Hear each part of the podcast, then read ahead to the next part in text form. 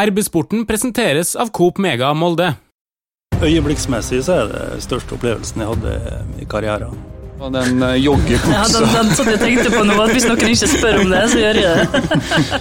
Det så faen meg ut som han sto og holdt ei oppblåsbar Barbara. Det liksom sprella, og da liksom oppdaga jeg at han var jo en klin smaken fyr. Velkommen til en ny episode av RB-sporten. Mitt navn er Ole Bjørner Lo Velde, og eh, dagens episode skal handle om eh, fotball, og eh, keepere spesielt. Vi har med oss et panel med journalist og supporter Pernille Husby. Hallo. Sportsjournalist i Romsdals Bustikke Martin Brøste. Hallo. Tidligere MFK-keeper Knut Dørum Lillebakk. Hei. Han er også journalist i Bustika. Og eh, når vi skulle ha en keeperepisode, så måtte vi sjølsagt eh, ha med oss eh, Andreas Linde, Super-Linde, med på telefon. Velkommen. Kjenner, kjenner. Takk. Ja, tenkte jeg skulle starte med deg, Andreas. Hvor mye får du stått i mål om dagen?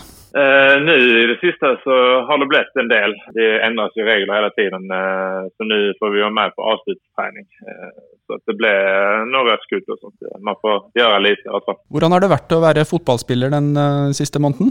Nei, det, det har vært uh, Jeg skal ikke sitte her og si at det er tøft, for det er mange, mange der ute i, i, verden som har det mye mer tøft enn vi har just nå. Så lenge vi får røre på oss, sånt, så så er, så er jeg happy. Klart det er ikke optimal oppskjønning, men det, det, får være som det er.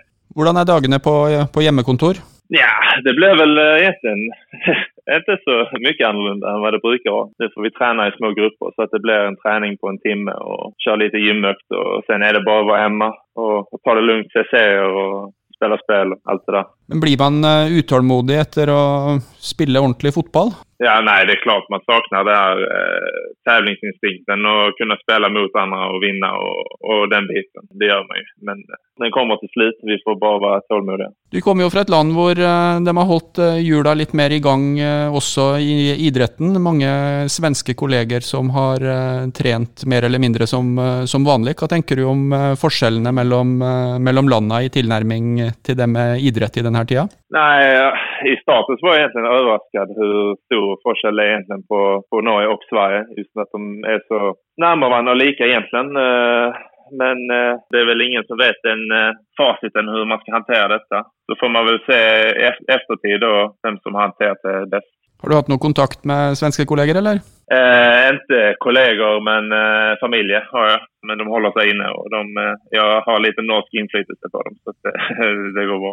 Da vet vi jo foreløpig ikke når det blir eh, seriestart. Tør du tro på noen ting? Nei, altså Jeg personlig er veldig en dag-til-dag-person. Jeg ser ingen vits i å spekulere hvor lang tid det tar eller hvor snart det går. og den biten, utan jeg forsøker bare fokusere på det jeg har kontroll over, og det er min fysiske form hver dag.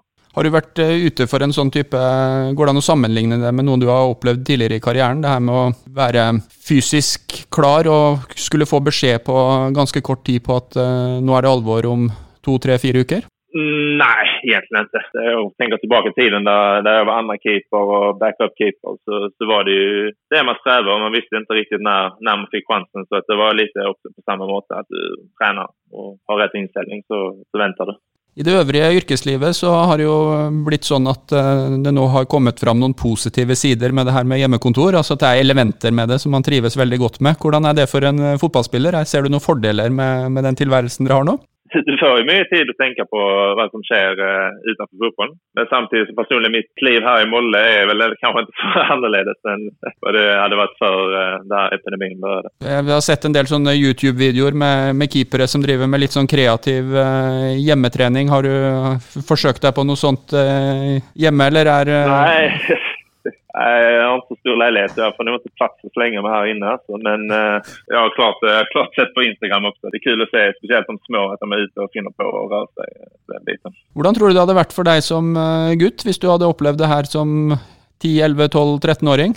Det hadde vært tøft. Eh, samtidig så hadde jeg vært glad å slippe skolen, om jeg skal være helt ærlig. Sitte hjemme og kose og spille, spille spill. Nei, men eh, sånne her tilfeller så er det jo det kul første dagene. Sen er man sakna det normale livet og treffe kompiser ute. Og man merker også det sosiale nå når vi får trene i smågrupper, så merker man hvor stor forskjell det er bare for å treffe tre-fire stykker andre i en time per dag. Det gjør veldig mye med humøret. Og du gleder deg mest til når eh, sesongen virkelig blir i gang? Ja, absolutt. När kampen har betyder något. Och folk på tribunen, det gleder meg. At de roper 'Super-Linde'? Ja, det er herlig. Men det er, jo ikke, det er jo ikke sikkert at det blir eh, kamp med folk på tribunene, da. Eh, Og du står jo i hvert fall i én omgang eh, rett eh, foran tornekrattet. Eh, Så hvordan vil du oppleve det, hvis du ikke har den eh, støtten i ryggen? Nei, selvfølgelig så hadde det vært trist. Altså det, jeg skjønner egentlig i starten om, de, om vi kan börja litt tidligere med det. Men eh, fotboll blir det inte samma utan folk och var stötte på, på tribunen. Det blir bara en tom träningskamp. Liksom. Hvordan eh, vil du eh, beskrive din historie i, eh, i MFK og dine planer framover? Nei, jeg har vært her en tid nå. Personlig så var det litt tøft eh, for meg å komme komma i starten. Molde er jo en liten by. Og så i tillegg når du er ung og vil spille hele tiden og ikke får, få den spilletiden, eh, sätter det seg litt i huvudet. Men eh, jag känner egentligen att jag utvecklats från dag en sedan jag kom hit. Haft en eh, positiv mentalitet till att jag kommer få chansen. Och så känner jag liksom att när jag fick chansen då till slut eh, så har jeg tatt den og utvecklats för varje år som har gått. Men det med Molde er en liten by, var du overraska over det når du, når du kom hit? Ja, altså det var jo ganske mørkt når jeg kom. Jeg kommer ihåg når vi kjørte gjennom byen, det var mörkt så ikke så mycket. Lite överraskad är jag, men det är en perfekt stad för, för en ung person som vill satsa på fotbollen. För att eh, faciliteterna, klubben og och byn är optimiserad för det. Hvor eh, ser du framover? Kontrakt ut eh, 2021, hvis jeg har eh, rett i papirene mine? Nej, det blir et spennende år eh, når vi vel sätter igång. Det skal ska ta igjen ligatittelen og så gjøre det bra, bedre i cupen i alla fall Og så skal vi søke ta oss hele veien ut i Europa. Eh, vi har vært nære nå de seneste to åren. Jeg var jo med da vi tog oss ut i Europa sist men satt på benken, så jeg har jævlig lyst til å, å spela. Vi skal seinere i episoden snakke litt om uh, våre favorittkeepere. Hvordan var det med Andreas Linde når du var uh, gutt? Hvem var det du uh, så opp til og tenkte at du kunne lære av? Jeg har egentlig aldri haft en, en spesiell person utan egentlig så har jeg haft sett på ja, toppkeepere. Hva jeg syns de gjør bra og forsøker liksom lære ut av det. Og det, det gjør jeg i dag fortsatt. Liksom. Hva var det som var favorittlaget ditt? Barcelona var det. Prøver å huske en Barcelona-keeper. Er det noen som kan hjelpe meg? Victor Valdez var vel aldri den helt store. Nei, Valdez var jo det, han som stod da när jag, jag på dem, men eh, det var ingen favoritt. favorit. Enn eh, de svenske landslagskeeperne. Du har jo representert eh, landet ditt eh, flere ganger. Er det noen av dem som du har eh, gode minner med? Nå sist var jo, ju, fick jag ju träna og och sett eh, de keeperne som er der nå, Det er Robin Olsen som har, gjort det veldig bra Og så Viktor Nordfeldt og de här eh, som har vært ute i Europa litt og, og sett på det. Så det har vært kul å se, se hvordan de agerer og hvor, ja, hvor bra de er. Hvis jeg skal tenke tilbake på en uh, svensk uh, keeper, så havner jeg veldig fort på Thomas uh, Ravelli. Er jeg, er jeg da for gammel, Andreas, eller er det en kar du, du også husker? Det har jeg sett med all VM-krøniker og den biten. Så det, han har full koll på. Ja, nei, vi skal mimre litt uh, videre, vi. Så um, tenker vi skal takke deg for at du uh, hadde anledning til å bli med. Og lykke til med sesongoppkjøringa. Håper jeg vi snart uh, ser deg på banen, enten eh, fra tribunen eller om vi må se det på TV. Takk selv, takk så mycket. Eh, Kjente du deg igjen i noe av det som eh, Andreas eh, sa om eh, keepertilværelsen? Ja, han gjør jo det, men altså, nå har ikke jeg opplevd akkurat det som skjer nå. Som han var inne på å snakke om, så har han jo vært en keeper som har eh, vært nummer to i rekka en stund. Det kjenner jeg igjen i. Da går det jo liksom på trening og får kanskje ikke vise det fram i det konkurranseposisjonen. Videre i podden i dag så tenkte jeg at vi skulle snakke litt om eh, favorittkeeperne. Og eh, tenkte at jeg skulle utfordre deg først, Knut. Og som sist, når vi snakka om spisser, så snakker vi om eh, favoritten, ikke nødvendigvis den eh, beste. Hvem eh, av MFK sine mange keepere har, har vært dine forbilder, eller favorittkeeperen? Jeg må først si jeg har spilt sammen med ganske mange keepere i MFK. Så jeg har valgt en jeg ikke har spilt sammen med. Det er han jeg husker best fra gamle stadion. Og fra det jeg husker, så var han en fantastisk bra keeper, og det er en Tor André Olsen. Han var god, og så var han kul i tillegg, og det betydde mye. Visste du da at du skulle være keeper sjøl? Nei, det gjorde jeg på ingen måte. Jeg ble keeper ganske seint. Jeg sto vel ikke fast i mål før jeg var 16 år, tenker jeg. Og da var nå Morten Bakke allerede godt i gang. Men det, skal jeg huske tilbake, så er det en Tor André Olsen jeg husker. Hvordan var atmosfæren på, på gamle stadion for en uh, guttunge fra, fra, Molde? Jeg husker jeg syntes nesten det var litt trist når det ble ny stadion, for den stemninga på gamle stadion forsvant. og Du sto på ståtribuner der, og tett og trangt, og det var nydelig. Du nevnte at du har spilt med mange keepere. Hvordan, hvordan var det her å være hele veien egentlig den, den lokale, og så kom det inn uh, nye keepere uh, egentlig jevnt og trutt som skulle være med i det her uh, keeperteamet? Av og til litt sånn frustrerende, for du føler at du følte sjøl at du var god nok og bedre, men så blir det hele tida henta inn keepere utafra, og så føler du at de blir valgt foran fordi at de blir henta. Nå er jeg sikkert i den siste keeperen fra Molde siden kanskje tidlig 80-tallet eller 70-tallet, som har spilt for MFK. Eh, så jeg var jo stolt av klubben og glad i klubben, og da godtar du kanskje mer, da. Tror du det er et eh, trangere nåløye for en eh, lokal gutt som står i mål, og får flere seriekamper for, for, MFK, enn det er for en, en talentfull midtbanespiller, f.eks.? Nei, det tror jeg egentlig ikke. Fordi at er du god nok, så blir du satsa på. Men uh, det er klart, som keeper så blir du kanskje bedre til i hermetegn eldre du blir, da. Og det er ganske vanskelig for en klubb å satse på en ung keeper. For da vet du at det òg kommer noe feil og sånt på veien. Men uh, er du god nok, så blir du satsa på husker man jo helt sikkert best i gode øyeblikker, men eh, når jeg sitter og ser på fotballkamper, så jeg klarer jeg ikke helt å la være med å liksom identifisere meg med, med keeperen når, når, man gjør ei, ei, tabbe. Ikke det vi skal prate mest om, men kan du kort si litt sånn hva, hva følelser er det man har når man uh, står bakerst der og så veit med seg sjøl at uh, den der uh, ballen skulle man tatt? Altså Alle keepere slipper inn mål og føler at den skulle de ha tatt en eller annen gang. Og sikkert noen oftere enn andre òg. Men det er jo det som er, kan skille gode keepere. da, liksom Hvordan reagerer du på det etterpå? Og jeg var ganske flink til det. Å bare se videre, og neste ball skal du ta. Men det er jo ikke noe gøy følelse. I forhold til favoritter, eh, blant dem du spilte sammen med, er det noen av dem du vil eh, trekke fram? Enten fordi at de var gode målmenn, eller fordi at det var folk du, du trivdes i lag med? Jeg har i grunnen trivdes veldig godt i lag med alle keeperne som var her i den perioden jeg var. Greier ikke fart å huske hvor mange det var, men det var en god del. I hvert fall etter hvert. Alle var gode keepere. Den jeg sjøl husker som best, det er Eddie Gustavsson. Han var en fantastisk bra keeper, og en bra fyr som ikke stoppa å prate på privaten. Snakka konstant på banen og utafor banen. Så eh, han hadde mye artig med, og lærte mye av. Du snakka om det her med å bli bedre etter hvert. Eh, ligger høydepunktet i hans karriere mot slutten, når han eh, er i Østerrike og spiller for eh, Red Bull Salzburg, eller?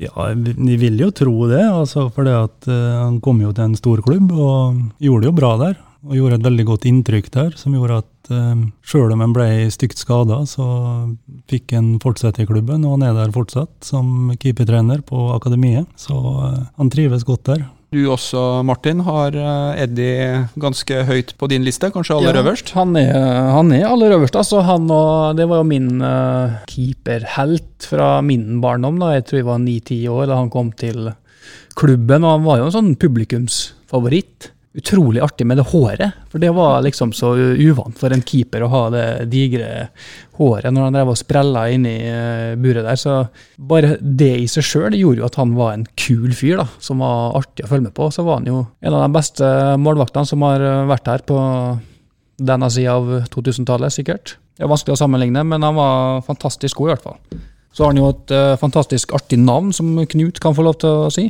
Ja, han er vel døpt Douglas Alexander Edvard McIntosh Gustafsson. Er ikke, er ikke plass på akkurat drakta til hele tatt? jeg tror du var innom uh, de fleste der. I riktig rekkefølge? ja, rek rekkefølgen er jeg usikker på. Altså, men, uh, en kongelig, eller? En konge i mål, men uh, konge by blood da? Ja, og så var det, Jeg hadde en kompis, uh, har en kompis, han er fortsatt blant oss. En gang så var Eddie Gustavsson hjemme hos han og satt i sofaen der. Og det var stort for oss uh, unggutter at vi kunne sitte i samme sofa som uh, Eddie hadde vært i. Den sofaen står der ennå, med sånn plast på den puta der den er nok aldri vaska. Så bare det i seg sjøl, det var jo stort. og Seinere så fikk han jo Kniksen-prisen, ble årets keeper for ja, jeg vet ikke om det var HamKam eller Lyn. Lyn, kanskje. Han hadde jo ei god karriere ellers i Norge før han dro til Østerrike. Det kan ikke ha vært et, eh, i utgangspunktet vært et eh, karrieresteg å gå fra Molde til HamKam? HamKam ble uh, nummer fem, fire-fem uh, sesongen før han dro dit, så det var nok et steg opp, faktisk, den gangen. Nei, kan jeg ikke forstå. Altså. hvis du ser sånn på det. Man må jo se litt Nå vet jeg at uh, vi er i nærheten av Gunder Bengtsson-perioden, men man må jo se litt på den fotballen som blir spilt eller sparka, som de gjør på Hamar. Og uh, sånn sett så kan det jo Det kan ikke ha vært spesielt spennende. Ja, Spennende by, da.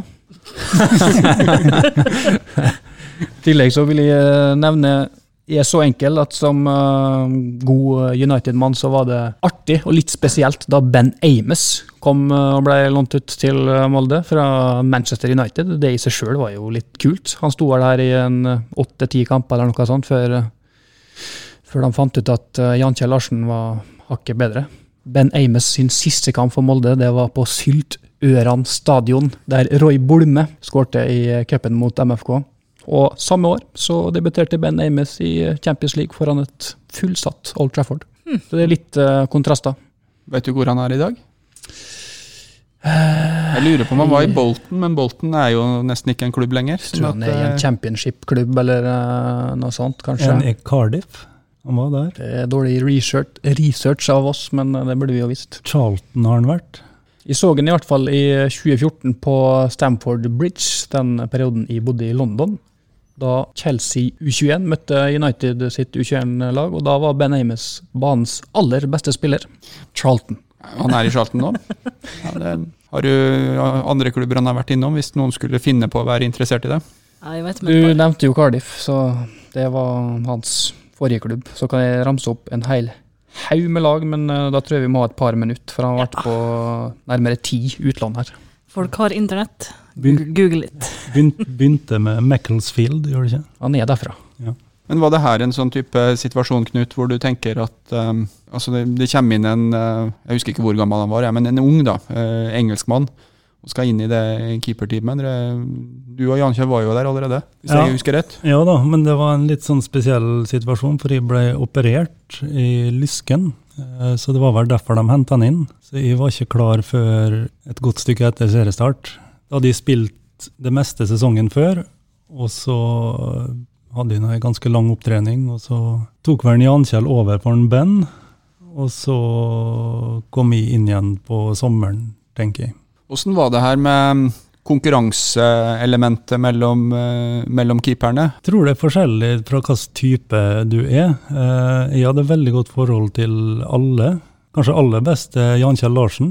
Vi hadde organisert og laga middag og bytta på det og sånt, så vi møttes ganske mye og utafor banen. Hadde det mye gøy sammen, og så er det jo begge på trening for å gjøre det best mulig, og da men det blir jo ikke en sånn Jeg syns ikke en sånn konkurranse mellom keeperne om å være Prøve ikke å ødelegge for hverandre. Men hva Jan Kjell gjør på i dag? Sist jeg stalka han på Facebook, så jobber han for Swedish Match, som lager snus. Så det er egentlig min drømmejobb.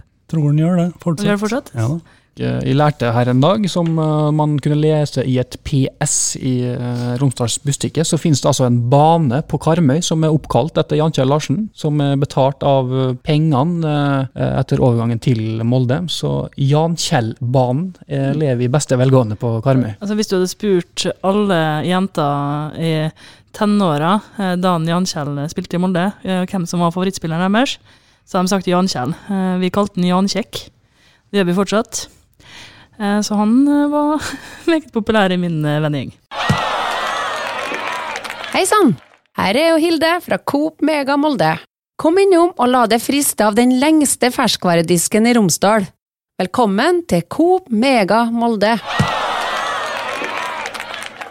Ja, vi skal komme tilbake til, til din favoritt, eh, ja, Pernille. Ja, men eh, først så tenkte jeg at jeg skulle ta del i diskusjonen. Jeg har vært eh, ja, litt noen vil kanskje si forutsigbar, men uh, min uh, favorittkeeper han, uh, i Molde fotballklubb han sitter i panelet i dag.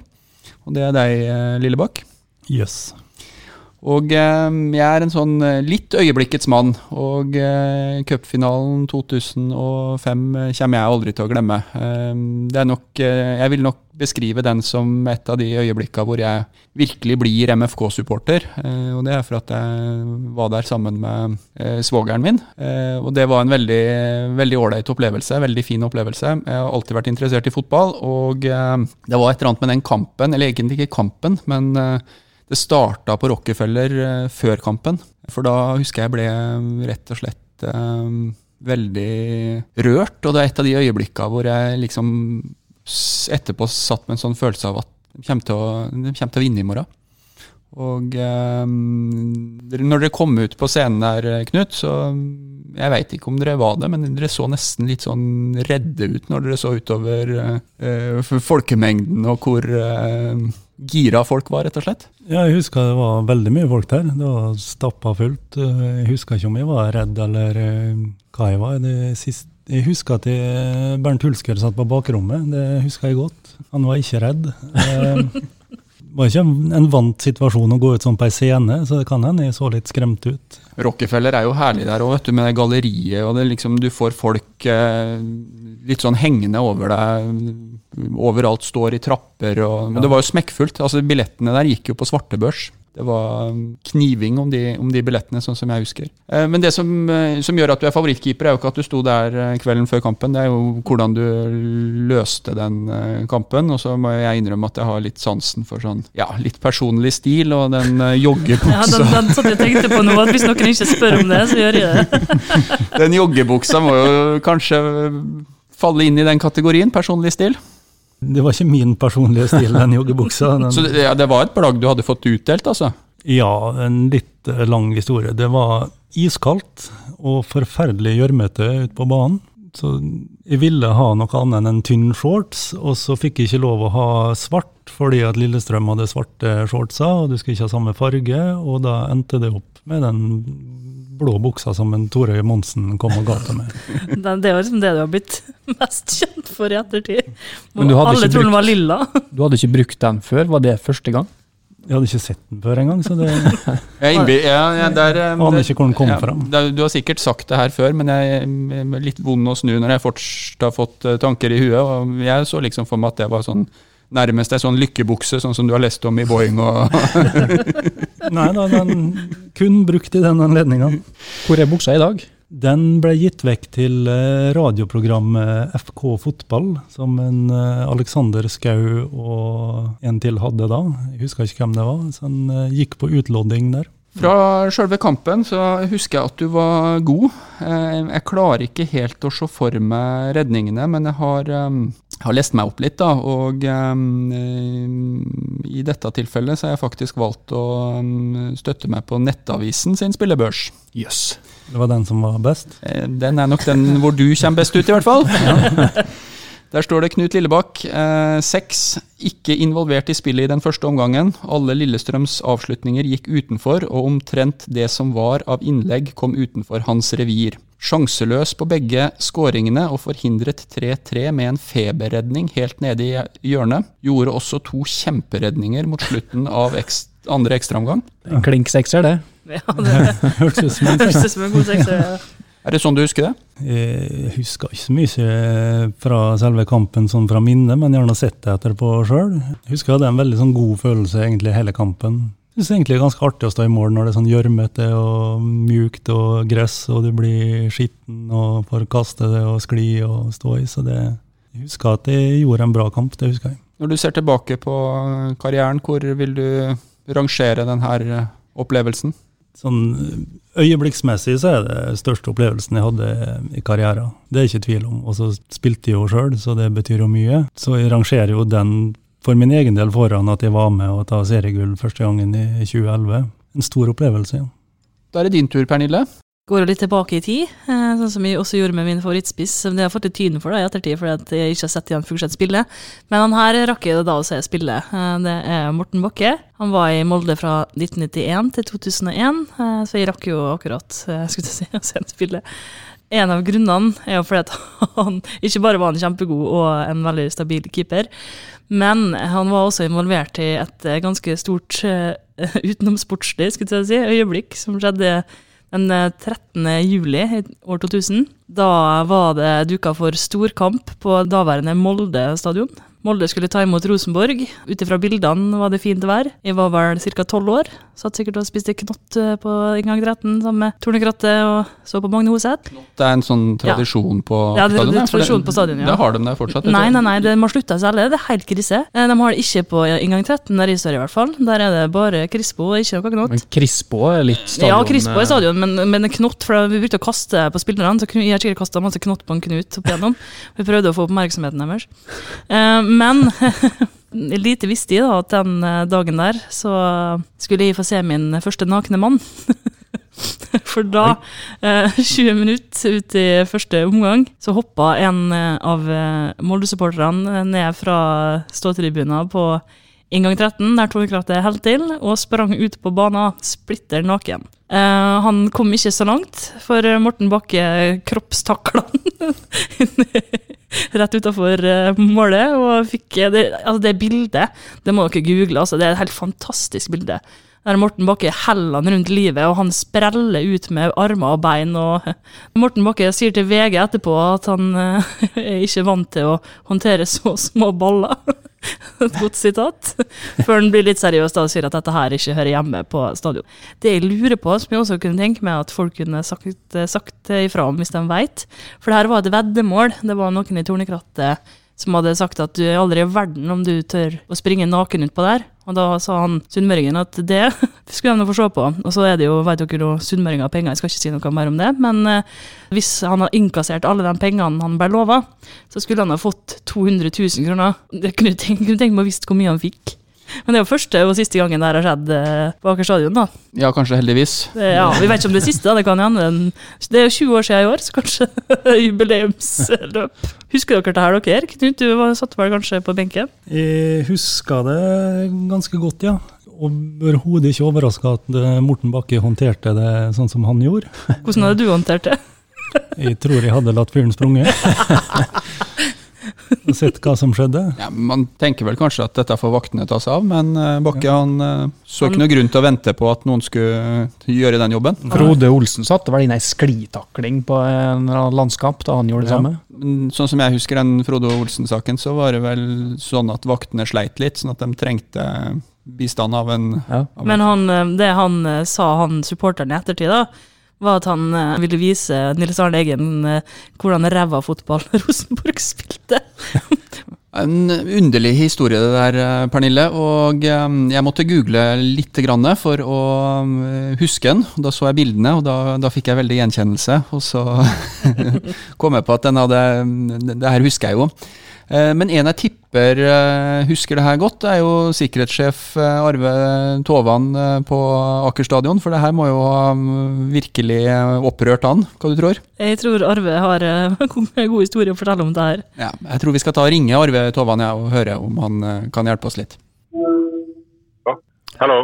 Hei, Ole Bjørner fra RB-sporten her. Er det Arve Tovan? Ja. Du, Vi sitter her og prater om eh, denne episoden for um, 20 år siden. Eh, en kliss naken mann som sprang ut på Aker stadion midt under Molde-Rosenborg. Hvordan kunne det skje? Ja, nei, det var vel eh, en glipp i vaktholdet, tenker jeg. Jeg tror det var et veddemål oppe i Tornekrattet. At han skulle gjøre det stuntet der, da. Rett og slett kle seg naken og hoppe inn på banen. Hva tenkte du når du Nei, eh, jeg fikk jo sjokk eh, på en litt sånn eh, artig måte, da. For det var jo litt sånn eh, litt eh, underlig sak. Jeg sto jo oppe i sikkerhetsrommet med ryggen til og prata med noen folk. Og så plutselig var en som sa 'Arve, snu deg, se!' Og så snudde jeg meg og så ut gjennom vinduet. Da så jeg Morten Bakke stå og holde en sånn en- en sprellemann. Det, det så faen meg ut som han eh, sto og holdt ei oppblåsbar Barbara. Hun var, var, var helt hvit. liksom sprella, og da liksom oppdaga jeg at faen, det var jo en kliss naken fyr. Han var ganske bleik. da. Og Morten bar på en måte ut på sidelinja. Da plutselig våkna vaktene da, og så liksom tok over, kan du si. Det var keeperen som måtte gripe inn, altså ikke vaktene? Han hadde sikkert sprunget forbi en Morten da, på vei ut på banen. Og vaktene de har sikkert fløyet gjennom lufta han, vet du, før vaktene fikk sopp for seg. Og da var jo Morten tok affære. Han er jo litt sånn sikkerhetsmann, han. vet du. Så han bar han ut på sidelinja. Som, som sikkerhetssjef så er man jo sikkert forberedt på mye rart, men uh, hvor forberedt var du på at noe sånt som det her kunne skje? Nei, vi, vi, vi, tenker jo på at folk kanskje kan storme banen og sånt. så Det er jo beredskap på det med vakter rundt og sånn. Men da, da tror jeg nærmest han hoppa gjennom lufta og det kom veldig fort på vaktene. Vi så ikke på ta som noe sånn eh, farlig sak, kan du si. Det var jo mer sånn underholdende for publikum. Saken ble avslutta med bot på 5000 kroner, virker det som, hvis eh, jeg har lest meg fram ja. riktig? Politiet tok hånd om, men da også av prinsipielle grunner så ble det en bot ut av det. For det er jo ikke tillatt å hoppe inn på banen sånn sett. Men uh, fyren var jo litt morsom og da. Husker ikke jeg så mye av kampen, men uh, dette her var vel kanskje en av eh, Bakkes beste redninger da, i kampen? Bakke har vært en god keeper gjennom mange år. Men han, han var, fulgte med han Morten, vet du, for han var jo kompis med oss i politigjengen. og Vi omgikkes jo. Vi snakker jo veldig mye om sikkerhet, så han var jo så stolt som en hane etterpå. Vi måtte jo skryte med opp i skyene, da. så han levde på det lenge, han at han hadde gjort det opplegget der. Super. Han var så lykkelig og glad i mange år. Vi snakker om det dag i dag. Supert. Da skal vi fortsette å Nå er nå Morten blitt eh, fengselsbetjent og greier. Ja, nei, det var kanskje til inspirasjon, den her eh, hendelsen her, altså. Ja. Jeg tror det. Supert, supert, Arve. Tusen takk for at du hadde tida til å være med oss. Skal vi fortsette å snakke om MFKs beste keepere? Veldig kort, hvem er din eh, favorittkeeper i Molde fotballklubb? Nei, Det er faktisk Morten Bakke. det altså. Han var solid når han var her. Vi spilte jo til i Champions League i 99. Han var jo med, jeg var med en tur ned til Mallorca, husker jeg. Han var glimrende, rolig, sterk fysisk, Supert. psykisk. Da skal vi ja. fortsette å prate om keeperne, vi. Ha en fin dag, Arve. Takk for at du ble med oss. Hei. Eh, vi kan jo snakke litt om eh, Morten Bakke som keeper også. Eh, Knut, hvordan husker du keeperen Morten Bakke? Morten var fantastisk stabil. Spilte vel, sto vel ikke over én en eneste eliteseriekamp på 10-11 sesonger i Molde. Han var også en av mine favoritter da jeg var ung, og min bror fikk eh, drakta hans eh, da han også var ung. og Jeg husker den drakta var, gikk jo til langt over knærne på han og så ut som den digre kjolen. Men han har vel fortsatt den Bakke 1-drakta den dag i dag. Men med en sånn stabilitet som, eh, som, Morten Bakke hadde, var det litt sånn at uh, unge Lillebakk tenkte at yes, nå drar han! Når han, når han til slutt For det at jeg, Han var jo førstekeeper når jeg kom opp på A-laget. Eh, og så var han Are Lervik der, også en veldig bra keeper. Skal jo ikke liksom fornærme Morten heller, for han var utrolig god, men det var jo rundt på den tida at keeperrollen kanskje begynte å endre seg litt i fotball. Altså Morten var vel vokst opp med tilbakespill og plukke opp ballen med hendene og kaste den opp i lufta og skyte den så langt han kan. Rundt de åra der så kom jo den tilbakespillsregelen, og keeperen ble mer en fotballspiller i tillegg til å være keeper. Jeg følte vel liksom at jeg kanskje var en litt mer moderne keeper da, enn Morten, så jeg visste jo at før eller seinere, hvis jeg jobba hardt, så skulle jeg få sjansen, og så fikk jeg jo det. Du var jo mye sammen med, med Morten i gruppa også. Hvordan, eh, kan du si noen ting om hvordan han var som, eh, som type? Det kan jeg gjøre. Eh, som reservekeeper så har du jo ansvar for å varme opp keeperen før kamper. Morten var, var ganske opptatt av hvordan banen så ut. For sammen med en Øyvind Kormeseth bort på stadion her og tråkka og sto i døgnet rundt nesten. Så når vi kom på bortekamper, så hadde han en tendens til å Han skulle hilse og prate med alle banemenn og folk som for rundt og reparerte hull i banen og sånn. Ofte så fikk vi en fem-ti minutter oppvarming, og så gikk Morten og hilste på alle og prata med alle han møtte der. Men altså En slags sånn militær rekognosering hvor du ser etter alle eh, humper og tuer og, og sånne ting innafor 16-meteren, eller? Nei da, han var rett og slett bare en veldig jovial type som var glad i folk og gikk og prata og hilste på alle han møtte. Ikke så glad i keeperoppvarming da, kanskje? Jo, det var han sikkert òg, men det kom i andre rekke da, når han fikk hilse på nye folk. Alltid syntes han så litt streng ut, men så, det var han jo naturligvis ikke. Det er lite strengt i Mortenbakke. Det var eh, noen av eh, Molde fotballklubbs eh, største keeperhelter. Hvis du abonnerer på RB-sporten der du abonnerer på podkast, så vil du bli gjort oppmerksom når en ny episode er klar til nedlasting. Takk for følget. Hei, Hilde her, fra Coop Mega Molde. Kom innom og se vårt store, brede utvalg av mat fra lokale produsenter. Vi har også gavepakker til den som har alt. Velkommen til Coop Mega Molde!